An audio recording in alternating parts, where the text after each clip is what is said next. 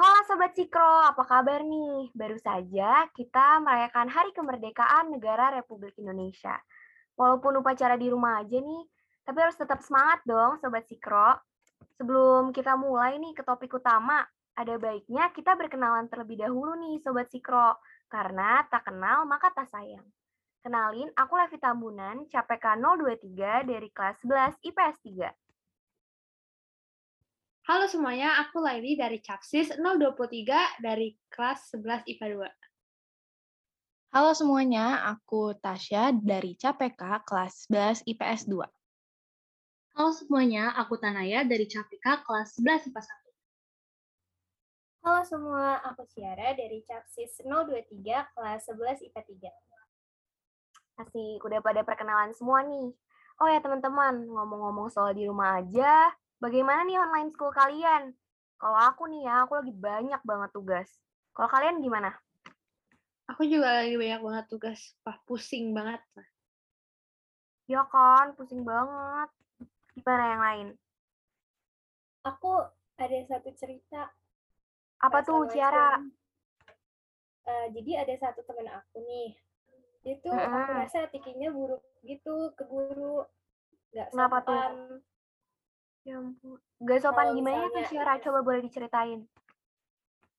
Kalau izin ke toilet, di chat, di chat Zoom, uh -huh. rasanya izin ke toilet gitu doang. Harusnya kan kita pakai Pak, Bu, oh. permisi atau maaf. Ya hmm. sih? Kayak nggak ngehargain benar, benar, banget.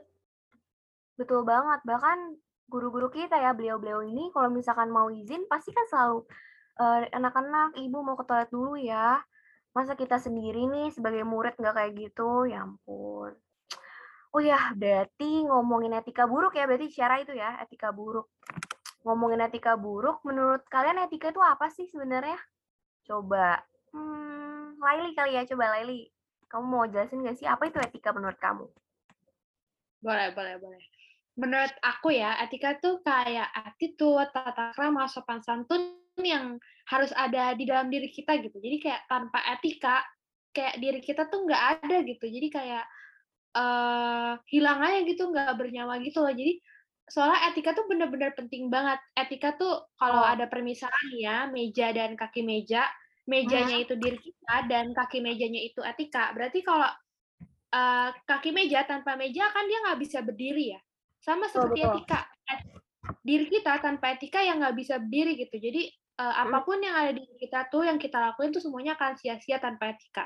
Dan etika tuh jadi kayak uh, first impression orang ke kita gitu. Kalau kita bertemu orang yang oh. baru kenal, tapi e kita nggak pakai etika kita, maksudnya uh, sombong, apa ngomong apa buruk gitu, kita jadi dicap sebagai orang yang buruk gitu, sebagai orang yang nggak punya sopan santun. Tapi kalau kebalikannya, kita kan jadi dikenalnya jadi baik, ini anak punya sopan santun. Jadi benar-benar etika tuh harus uh, kita pakai dan itu penting banget sih menurut aku.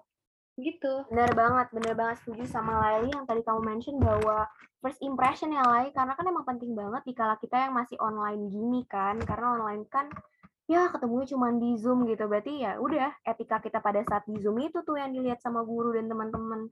Oke, oke, keren ya, banget, keren banget. Teman-teman yang lain ada nggak nih yang mau menambahkan? Mungkin ada cerita-cerita nih seputar etika buruk nih. Kalau kita boleh lanjut dari ceritanya Ciara. Aku punya cerita juga nih. Apa tuh, Tasya? Ada seseorang yang punya etika buruk juga, Sobat Sikro. Uh. -huh. Jadi aku punya kenalan, tapi dia bukan teman aku ya. Kita mhm. cuman hmm. sekedar kenal aja.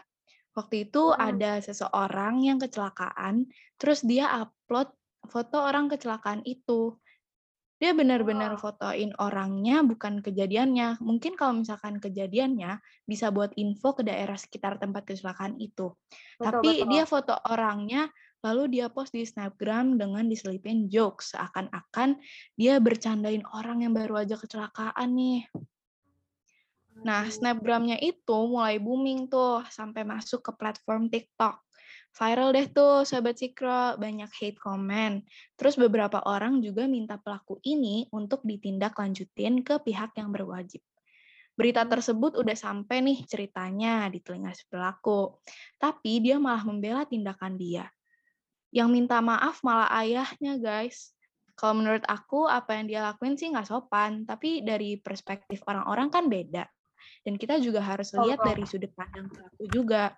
Kalau menurut kalian gimana nih dari cerita yang udah aku sampaikan tadi?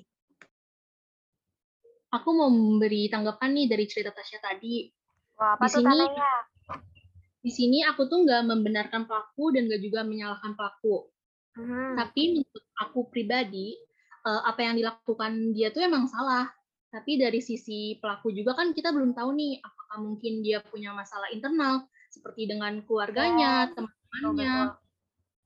Dan dan mungkin dari cerita-cerita tadi uh, masalah internal dia tuh membuat dia jadi beretika buruk gitu.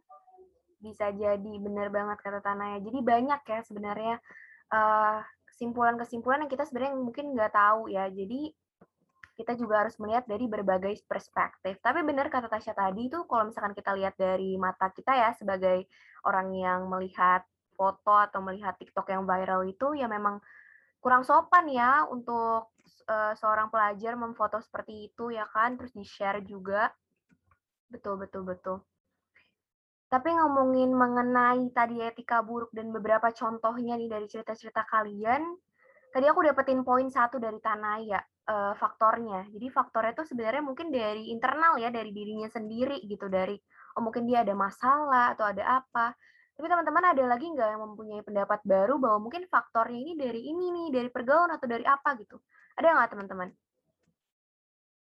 Nah, yang udah tadi Levi bilang benar banget tuh, ada hmm. faktor internal. Tapi selain faktor internal, ada beberapa juga faktor-faktor yang menyebabkan seseorang punya krisis etika.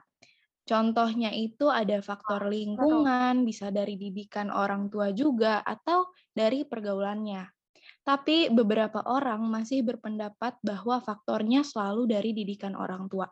Padahal kalau memang orang tuanya ngedidik dengan baik, tapi misalkan dia gampang ke influence sama pergaulan atau lingkungan yang buruk, ya sia-sia kan didikan dari orang tuanya.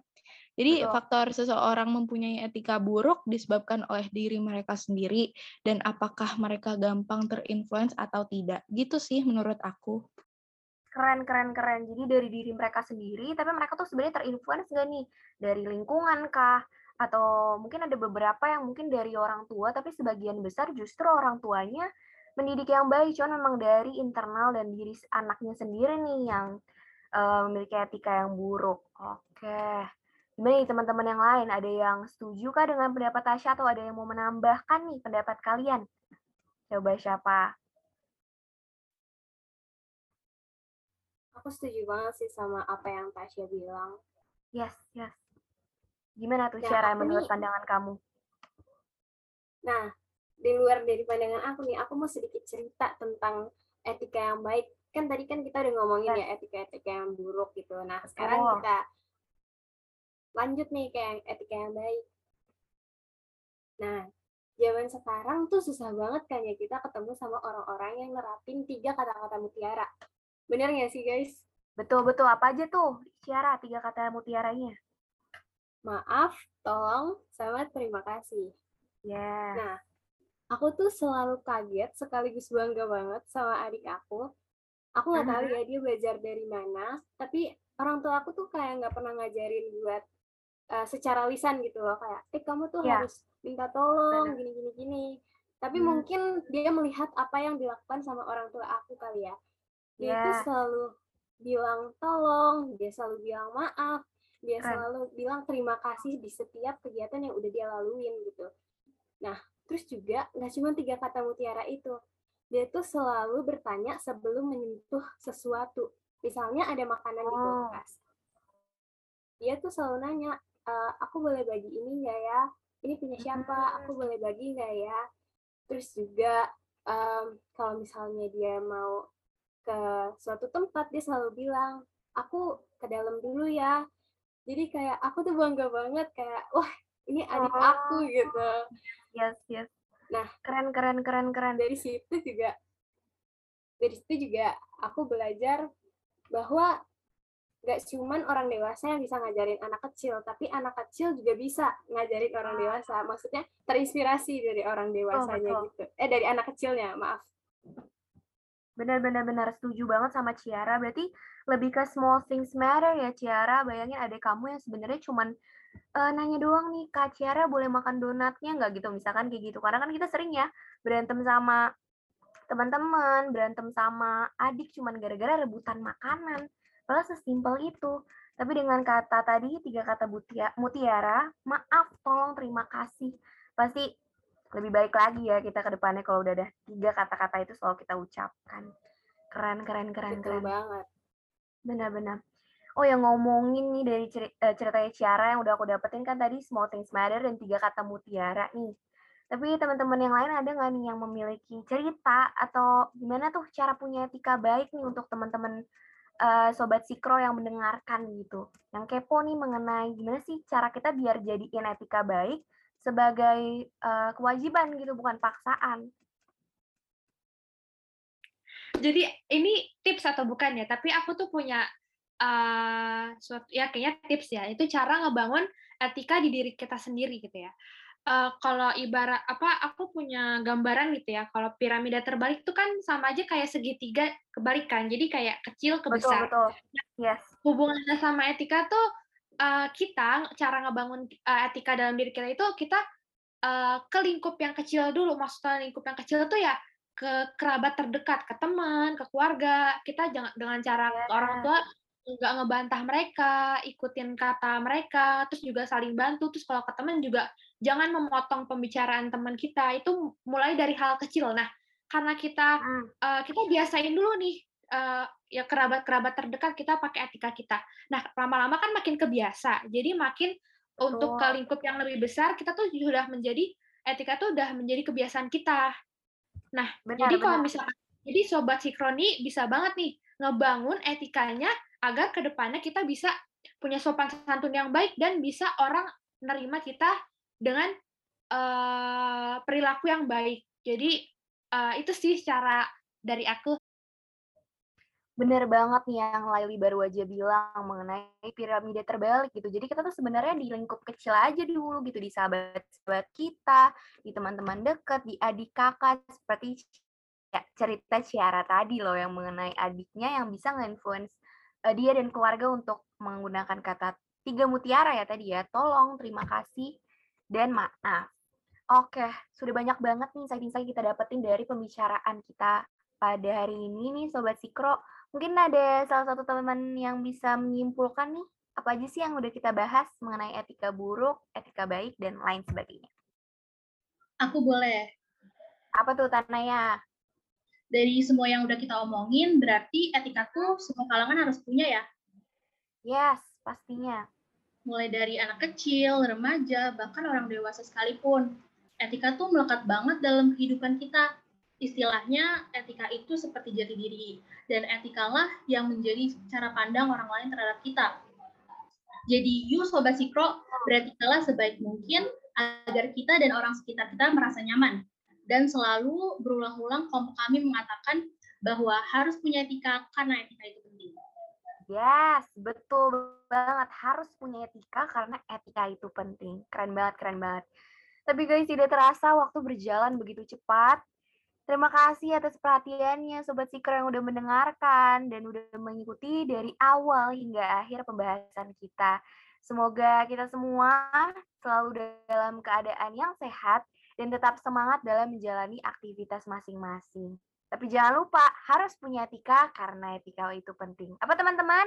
Harus punya etika karena etika, etika itu penting. penting. sampai jumpa Sobat Sikro.